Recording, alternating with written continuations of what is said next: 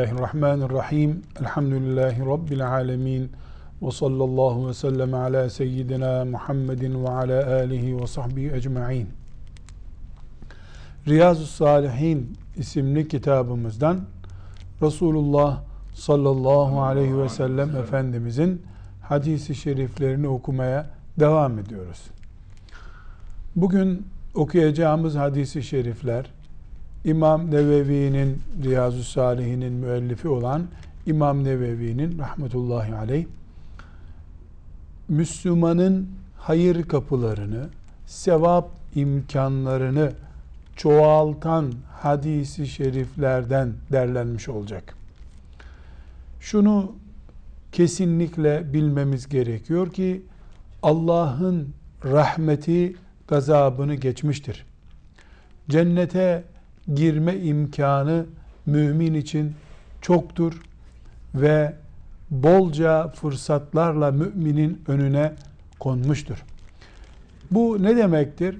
Eğer Allah'ın rahmeti gazabını geçmişse rahmetini elde edeceği sebepleri de kuluna sunmuş demektir. Biz gözümüzü açtığımız her yerde Allahu Teala'nın rahmetine ulaşabileceğimiz veya bizim daha kolay anlayacağımız deyimiyle sevap kazanacağımız bir şey muhakkak vardır. Köyünde hayvan besleyen ve bu beslediği hayvanların sütünden geçimini temin eden bir insanın bile o hayvanları beslerken sevap kazanması mümkündür. Sütten para, hayvanlardan sevap kazanılır. Nasıl kazanılır? Hayvanlara bakarken Allah'ın mahlukatındandır diye eziyet etmemek, onların hayvani tavırlarına sabırlı olmak, onları yedirirken, içirirken aman Allahu Teala'nın yarattığı bir canlıya eziyetim olmasın, hakkını vermiş olayım diye düşünmek, daha da ilerisi benim bu sütümden kim bilir nice bebekler gıda elde edecekler diye insanlığa hizmeti düşünmek sevap kaynağıdır. Bunların her biri birer sevaptır. İnsan hayvan beslerken süt sağıp sütünden para kazanırken bile Allah'ın rızasını kazanabilir. Bir cihad meydanında cihad eden mücahit orada sevap kazanma imkanına sahip. Camide namaz kılan mümin o namazdan sevap kazanma imkanına sahip.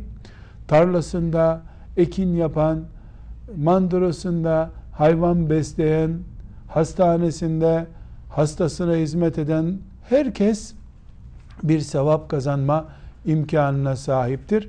Yeter ki mümin niyeti ciddi olsun, Allah'ın rızasını kazanmayı kendisine amaç edinmiş olsun.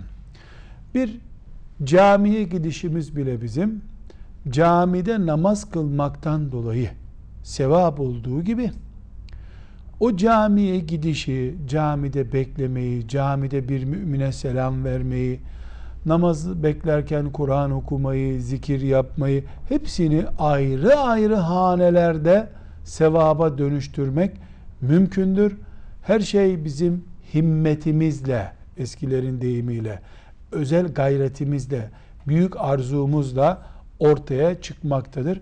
Resulullah sallallahu aleyhi ve sellem Efendimizin şimdi okuyacağımız hadisi şerifinde bir Müslümana sevap kapılarının nasıl kolay açıldığını veya ne yazık ki nice sevaplar defterlerimize yazılıp kıyamet günü karşımızda hasene olarak bulmamız mümkünken bir niyet hatasından hafif bir dikkatsizlikten dolayı her gün ne kadar sevap kazandığımızı, kaybettiğimizi şu hadisi şeriften izleyelim. 130. hadisi şerif Riyazu Salihinde Hafız kardeşimiz önce hadisi şerifin metnini okusun, teberrüken dinleyelim. Ondan sonra da hadisi şerifin tercümesini hep beraber dinleyelim istifade etmek için. Buyurun. Bismillahirrahmanirrahim. An Ebi Hureyre radıyallahu anh kâle kâle Resulullah sallallahu aleyhi ve sellem Men tevadda'a fe ehsenel vudu'a thumme etel cum'ate festema'a ve ansate غفر له ما بينه وبين الجمعة وزيادة ثلاثة أيام ومن مس الحصى فقد لغى Sadaka Resulullah sallallahu aleyhi ve sellem. Buyur. Ebu Hureyre radıyallahu anh'den rivayet edildiğine göre Resulullah sallallahu aleyhi ve sellem şöyle buyurdu. Bir kişi güzelce abdest alır, cuma namazına gider, hutbeyi ses çıkarmadan dinlerse, iki cuma arasındaki ve fazla olarak üç günlük daha günahları bağışlanır. Kim hutbe okunurken çakıl taşlarıyla oynarsa abeste iştigal etmiş olur. Sadaka Resulullah. Sadaka Resulullah sallallahu aleyhi ve sellem. Cuma günü camiye gitmeyi Resulullah sallallahu aleyhi ve sellem Efendimiz bizim gözlerimizde göremeyeceğimiz arka alemde, derin alemdeki sırlarını görebileceğimiz şekilde tarif ediyor. Müslüman abdest alıyor, abdeste dikkat ediyor. Çünkü abdestini de güzel alması gerekiyor. Yürüyerek arabasıyla camiye gidiyor. Camide cuma günü en önemli şeylerden birisi cuma hutbesine dikkat kesilmektir. Dikkatli bir şekilde cuma hutbesini dinliyor. Abdest aldı, camiye gitti, hutbeyi dikkatli dinledi. Üç şey. Bu Müslümana Resulullah sallallahu aleyhi ve sellem Efendimizin mükafat olarak vaat ettiği şey nedir? O cuma ile önceki cuma arasındaki günahların dökülmesidir. Günahlardan kurtulmaktır. Çünkü bir cumadan öbür cumaya kadar olan süre yedi gün cumaların arasında kaldığı sürece yani önceki cumayı kaçırmadığı, bu cumayı da kaçırmadığı sürece günahlara mağfiret olur. Bu hadisi şerifte bir tatlı ilave daha var.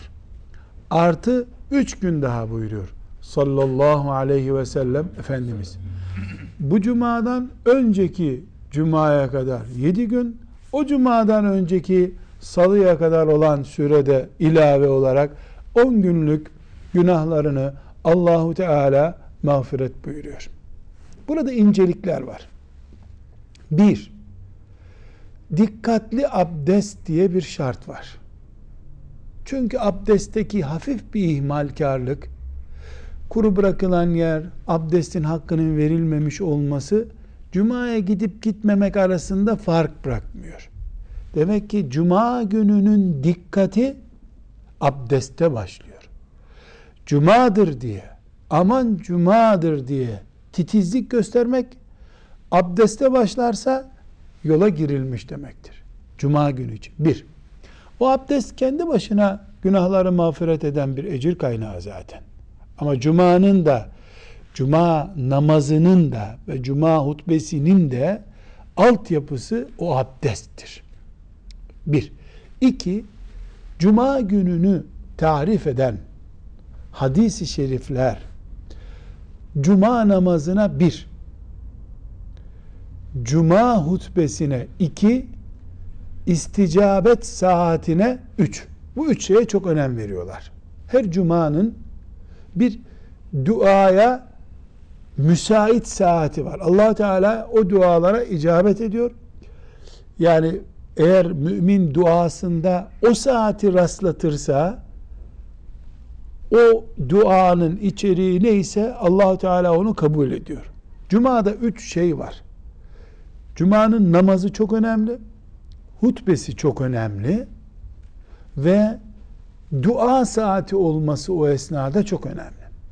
Bu dua saatinin vakti kaçtır? Ne zamandır? Bu konuda Efendimiz sallallahu aleyhi ve sellem açıklama yapmıyor. Cuma gününün bütününde de olabilir. hutbeye çıkış saatinde imamın hutbe okumak için çıkış saatinde olabilir. Namazın öncesinde sonrasında olabilir. Kâmetle ezan arasında olabilir. Her halükarda cuma günü dua için en uygun vaktin bulunduğu gündür. Bu önemli. Cuma hutbesi çok önemli. Cuma'nın namazı zaten işin aslı. Resulullah sallallahu aleyhi ve sellem Efendimiz abdestle başlayan ve Cuma'nın hutbesine titizlik gösterilerek devam edilen bir Cuma günü ve namazını 10 günlük günahların mağfiretine vesile görüyor. Bunu şüphesiz zannıyla tahmin ederek söylemiyor. Allahu Teala söylettirdiği için söylüyor. Bu Allah'ın vaadidir kullarına. Burada e, önemli bir husus var. Daha doğrusu iki husus var. Birincisi bu hadisi şerifte ve bu tür mağfiret vaat eden hadisi şeriflerde mağfiret edilecek denen günahlar küçük günahlardır. Zina, faiz, kumar, cinayet, anne baba ya zulmetmek gibi büyük günahlar, kebair günahlar, sihir, büyü gibi günahlar özel tövbe ister. Onlar bu küçük olmayan yani hadisi şeriflerin büyük günah diye tasnif ettiği bu günahlar çoğu zulüm olan bu günahlar kesinlikle özel tövbe ile Allah'ın mağfiretini görür. Böyle bir kural var alimler arasında. İkinci mesele bu mağfiretle ilgili meselede bu vaade kul hakları dahil değil. Cuma namazını insan Kabe'nin içinde bile kılacak olsa mümkün olsa da kılacak olsa kul hakları hariç. Kul hakkı için herkes hakkın sahibiyle helalleşecek mezara girmeden önce.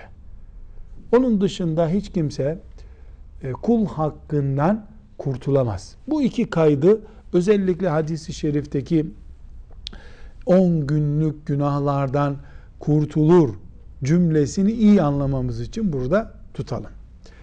Dikkat edildiyse Efendimiz sallallahu aleyhi ve sellem hadisi şerifte böyle büyük bir müjdeyi vaat ettikten sonra buyuruyor ki kim hutbe okunurken çakıl taşlarıyla oynarsa abesle iştigal etmiş olur. Abesle iştigal etmek ne demek? Boş, değersiz, basit bir iş yapmış olur demek. Çakıl taşı ne? Cuma hutbesi dinlerken çakıl taşını nerede bulacaksın? Nerede bulacağız biliyor musunuz? Cuma hutbesi Resulullah sallallahu aleyhi ve sellem zamanında çakıl serili bir mescitte irad ediliyordu. Camilerde halı olması asırlar sonraki bir icattır. O halıların altında ısıtıcı olması da bu çağın icadıdır. Ashab-ı kiram bildiğimiz çakıl taşlarının üzerinde namaz kıldılar. Önceleri de çakıl taşı da değildi, çamurdu. Ashab-ı kiram çamurun üzerinde çok kirlendiklerini Efendimiz sallallahu aleyhi ve selleme arz ettiler. Çakıl taşıyla döşemek için mescidi izin istediler.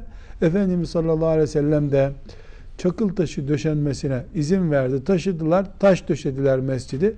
Modern hale geldi mescitleri. Şimdi cuma günü hutbe okunuyor. Müslüman da cuma hutbesini dinlemesi gerekiyor. Çünkü hutbeyi dinlemek çok önemli. Hutbe e, ağaç sevgisi, çocuk aşısı gibi konuların işlendiği yer değildir. Takva, zühd, ahiret, cennet, sırat, mahşer gibi konuşul, konuların konuşulduğu, Kur'an'ın insanlara hatırlatıldığı yer olduğu için hutbe okunurken Allah'ın ahkamı zikredilirken Müslüman dinler. Bu dinleyişi de esneyerek ya da işte böyle dinliyor göstererek dinleme değildir. Kulak vererek, gönlü, gönül bağlayarak dinlemektir. Cuma hutbesi böyle dinlenir. Buna Efendimiz sallallahu aleyhi ve sellem dinlemek diyor. Dediği hutbe de zaten zikrettiğimiz hutbe. Şimdi Müslüman çakıl taşlarıyla serili bir mescitte hutbe dinliyor. Cuma hutbesini dinliyor. E, eline çakıl taşları aldı. Oyalanmak için de çakıl taşlarıyla oyalanıyor. Ya da bir elinden öbür eline koyuyor. Burada kimseyi rahatsız etmek yok aslında. Ama önündeki elinde oyuncak olacak bir taşla oynamak hutbeye karşı saygısızlık. Hutbeye karşı laubalilik. Hutbe ise Allah'ı hatırlatan bir konuşma. Minber Allah'ı hatırlatmak için konuşma yapılan bir yer ve orada ilk konuşan Resulullah sallallahu aleyhi ve sellem bizim İmam Hatip dediğimiz çıkıp hutbe okuyan insan aslında orada filan ilahiyat fakültesi mezunu şu hoca bu hoca değil. Resulullah sallallahu aleyhi ve sellemin makamında bir vekil o. Onun o makamın içini dolduramaması, o azametin hakkını verememesi onunla Allah Teala arasındaki bir sorun. Biz mescitte oturur, o hutbeyi Resulullah sallallahu aleyhi ve sellemin sözlerini, Kur'an'ımızın ahkamını dinliyor diye dinleriz ve bizim için günahlarımızın döküleceği ecir kaynağı haline gelir. Şimdi burada hepimiz için çok önemli bir işaret var. Yani çakıl döşeli bir çakıl taşı döşenmiş bir mescitte önündeki çakıl taşıyla hutbeyi dinlerken oyalanan bir Müslüman kimseye zarar verdiği yok. Yani oyalanması kendine zarar. Dikkati dağılıyor. Bunu Efendimiz sallallahu aleyhi ve sellem lağv yapmış. Boş iş, değersiz bir iş yapmış olarak yorumluyor ki el hak budur ki bazı alimlerimiz buradaki lağv boş işi cumasının boşa gitmesi olarak da yorumlamışlardır. Çok dikkat etmek lazım. Hoca efendiler Türkçemize bu deyimi e, abesle iştigal olarak yorumlamışlar.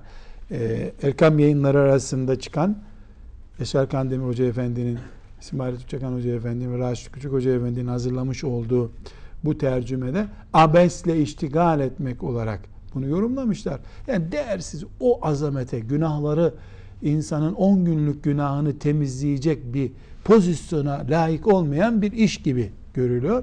Ama bazı alimler Cuma'nın riske girmesi olarak bunu yorumlamışlardır. Allah hoca efendilerden de onlardan da razı olsun. Şimdi durumu bu iken Resulullah sallallahu aleyhi ve sellem lisanında Cuma hutbesi okunurken cep telefonu çalan bir Müslüman acaba ne yapmış olur? Kendi meşgul olmuş oluyor. Öbür müminin de dikkat, hatibin bile dikkatini dağıtıyor. Cep telefonu cuma namazında cuma kılan bir Müslüman cuma kıldığı bilindiği halde onun cep telefonu çalar mı hiç? Müslümanı cuma günü ancak bir provokatör arayabilir.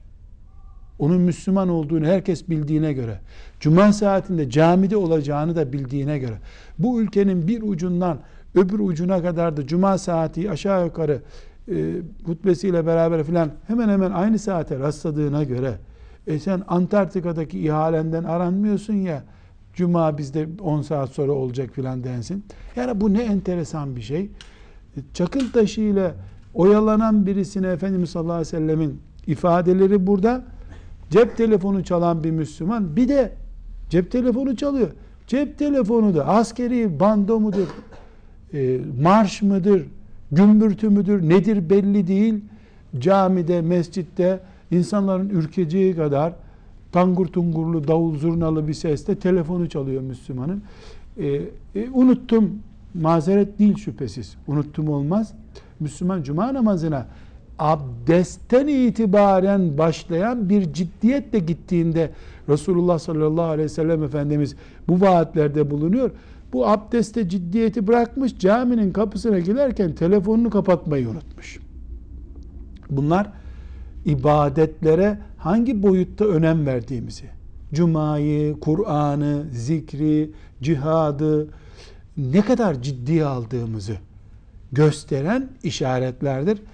Cuma bizim için çok önemli. Cuma namazı çok önemli.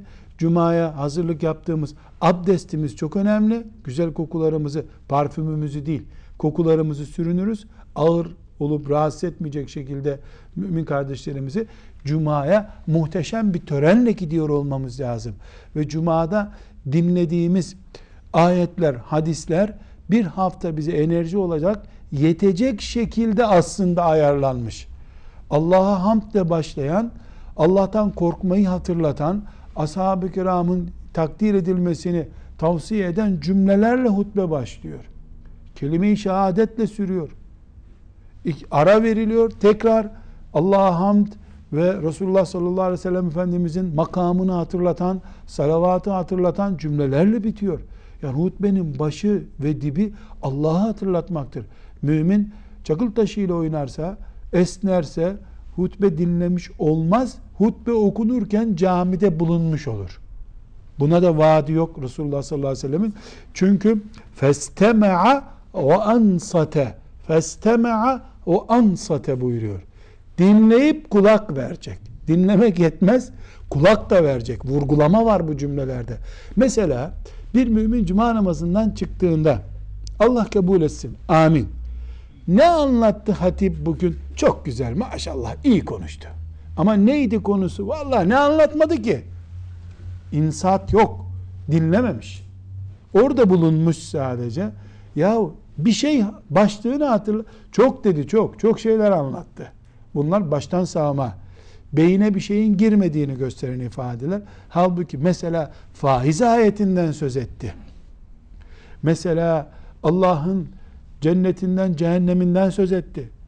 Cennet boşuna değil, cehennem boşuna değil. Aman dikkat edin. İnsan on cümleden üçünü beşini bari aklında tutmalı. En azından e, konu ciddi bir şekilde akılda kalmalı ki hutbe kulak verilerek dinlenmiş olsun. Ama her halükarda e, bu da bir imtihan şüphesiz. Yani tamam bu söz bu hadisi şerifi duyduktan sonra önümüzdeki haftadan itibaren ben artık hafızamı alacağım hutbeyi o şekilde dinleyeceğim desek bile şeytan bize 40 dereden su getirtebilir o gün.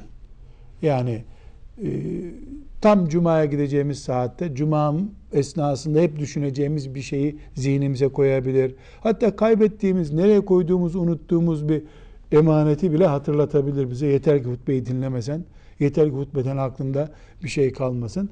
Hem hoca efendiler, yani müminlere çıkıp hutbe okuyanlar bu azameti unutmamalı.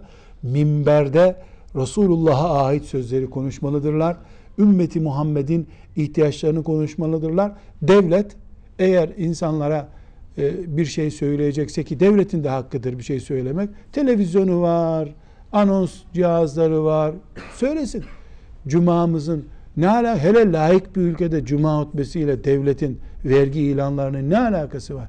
Herkes e, makamının içini doldurmaya çalıştığı gibi Cuma'nın da hakkını özellikle vermeye çalışmamız lazım. Bu hakkın en önemli boyutlarından bir tanesi de Cuma e, hutbesinin çok iyi dinlenmesidir. Şimdi bu 130. hadisi şerif demek ki avuç içimize yazılıp Cuma'ya giderken Resulullah sallallahu aleyhi ve sellem Cuma hakkında böyle buyurmuştu dememiz gereken bir hadisi şeriftir. 131. hadisi şerifte nasıl sevap imkanlarıyla yoğrularak bir hayat yaşadığımıza dair e, örnekler var. Şimdi 131. hadisi şerifi e, tercümesinden dinleyelim. Hadis-i şerif uzunca. Buyurun Hafız kardeşimiz okusun dinleyelim. Bismillahirrahmanirrahim. Ebu Hureyre radıyallahu anh'den rivayet edildiğine göre Resulullah sallallahu aleyhi ve sellem şöyle buyurdu. Bir Müslüman veya mümin abdest aldığı zaman yüzünü yıkarken gözleriyle işlediği günahlar abdest suyu veya suyun son damlası ile dökülür gider. Ellerini yıkadığında elleriyle işlediği günahlar abdest suyu veya suyun son damlası ile dökülür. Öyle ki kişi bütün günahlardan arınır ve tertemiz olur. Ayaklarını yıkadığında da ayaklarıyla işlediği günahları Abdest suyu veya suyun son damlaları ile akıp gider. Nihayet o Müslüman günahlarından tamamıyla arınmış olur. Sadaka Resulullah sallallahu aleyhi ve sellem. Şu bizim abdest dediğimiz musluğu açıyorsun, ellerini yüzünü yıkıyorsun, ayaklarını yıkıyorsun ve namaza geçiyorsun dediğimiz şey aslında tam bir yıkama makinesi. Günah yıkıyor. Yüzünü yıkıyorsun, gözünle baktığın, burnunla kokladığın, dilinle söylediğin yani yüzdeki organlarla işlediğin günahları temizliyor. Kollarını yıkıyorsun, elinle işlediğin günahları temizliyor. Ayaklarını yıkıyorsun, yanlış yere yürüdüğün için ayaktan kaynaklanan günahları temizliyor. Yani abdest sadece namaz kılmak için şart olan bir ibadet değil, aynı zamanda günah temizleme makinesi mübarek. Abdesti bu şekilde bakmak lazım. Bu şekilde görmek lazım. Ama tekrar vurgulayalım. Bunlar küçük günahlar için geçerli. Faiz için geçerli değil. Faiz için geçerli olan şey tövbe istiğfar edilecek. O faiz parası bütçeden çıkacak. Çıkarılacak, imha edilecek. Başka bir e, yere verilecek. Sadaka olarak değil. Zinanın temizlenmesi mümkün değil abdestte. Ondan istiğfar edilecek. Kul hakkının abdestle aklanması, paklanması mümkün değil. Ondan istiğfar edilecek. Tövbe edilecek. Allah gafur rahimdir. allah Teala'nın e, tövbe ettikten sonra kulu mağfiret etmediği hiçbir günah yok. Elhamdülillah. Her günahımızı Allah mağfiret ediyor. Lakin burada bir fark var. Bu saydığımız kebair günahlar dediğimiz işte zina gibi, sihir gibi, büyü gibi günahlar özellikle tevbe ile ancak mağfiret edilen günahlar. Onun dışında kalan günahlar küçük günah diye isimlendirdiğimiz değersiz değil, önemsiz değil, küçük günah olarak isimlendirdiğimiz günahlar ise biiznillahü teala bir cumadan öbür cumaya kadar kaldığı o iki cumanın arasında kaldığı zaman affoluyor. Abdest günahlarımızı döküyor. Ee, veya daha sonra göreceğiz Ramazan-ı Şerif bu günahları döküyor. Yani günah dökmek çok kolay. Efendimiz sallallahu aleyhi ve sellem bizi bu şekilde müjdeleyerek e, önümüzü açmış oluyor. Umudumuzu yükseltmiş oluyor. Dolayısıyla bir müminin umutsuz olması için gerekecek hiçbir zemin yoktur. Mümin umut vardır. Ciddi bir şekilde umut vardır. Neden? Çünkü abdest alır, abdest günahını döker. Zaten cumaya gidecekti, cuma onun günahını döker. Sadaka verir, sadaka sebebiyle günahından kurtulur. Ramazan-ı Şerif gelir, Ramazan günahını döker. Burada şöyle bir e, iddiada bulunabiliriz. Hani çok böyle temsil yapılmış olsun diye. Yani mümin aslında var ya abdestin, e, cumanın, Ramazan-ı Şerif'in, Kur'an-ı Kerim'in, zikirlerin vesaire yani bu mecburi yaptığı şeylerin bile tam hakkını verse, niyeti temiz olsa, hep Allah'ın rızasını, istiğfarı, Rabbine yakınlığı amaç edinmiş olsa, yani günah yetiştirmek de mümkün değil o zaman. Bunlar hep günahımızı döküyor çünkü. Yani istese de Müslüman günah biriktiremez. Kebair günah hariç, kebair günah onlar için özellikle tövbe istiğfar edeceğiz. En başta dediğimiz kural neydi?